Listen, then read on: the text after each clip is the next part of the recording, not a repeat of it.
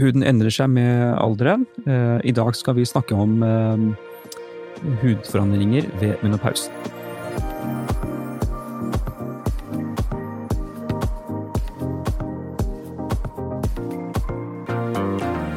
Huden vår er jo et uh, dynamisk organ, det vil si at den endrer seg jo i forhold til alderen vår. Visse ting endrer seg når man er i tenårene, og andre ting endrer seg når man blir mer voksen. Men det, det skjer ganske mye eh, like før eller etter menopausen. Og man vet jo at huden etter menopausen blir tynnere, den blir, er mer utsatt og lettere blir skadet og man er også mer utsatt for hudkreft.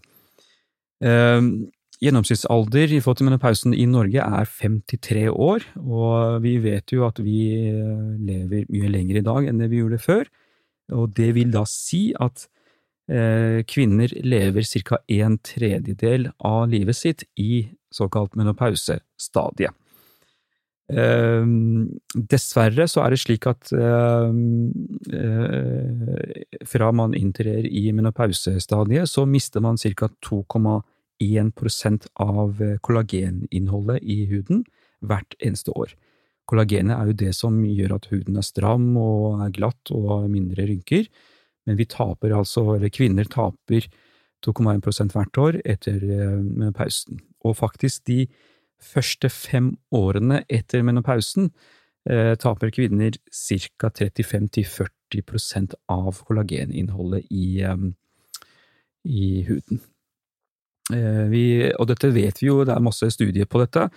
Østrogen har en veldig viktig funksjon når det gjelder huden. Den eh, stimulerer til mer fuktdannelse, den stimulerer til bedre hudbarriere, og den stimulerer også til mer kollagen- og elastinproduksjon.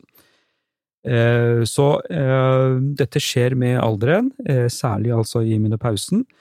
Hva man kan gjøre med dette? Jo, det er jo først og fremst å bruke solkrem.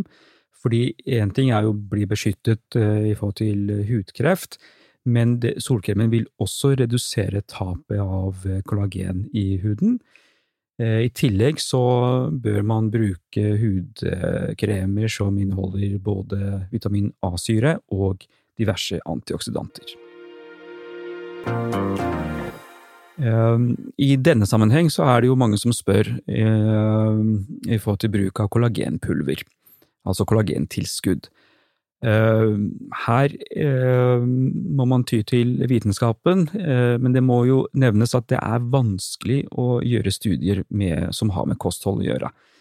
Men det som finnes i dag, så ser man at det kommer flere og flere bedre studier som viser at det kan være en, fordel med kollagentilskudd. Man i hvert fall har sett at man kan få bedre fuktighetsinnhold i huden ved bruk av kollagentilskudd. Eh, i forhold til um, rynker og linjer og så videre, så er det fortsatt for uh, svake studier til man kan ha noe mer bastant mening om det. Så for å oppsummere, og jeg vet at dere har hørt det 100 000 ganger nå, for å redusere kollagentapet også etter menopausen, så er solkremen meget, meget viktig. Eh, dette gjerne i sammenheng med antioksidanter, eh, som også vil ha en beskyttende effekt. Her er det så veldig viktig å vite at vi vet jo hva som kommer til å skje etter menopausen med huden i forhold til tap av kollagen.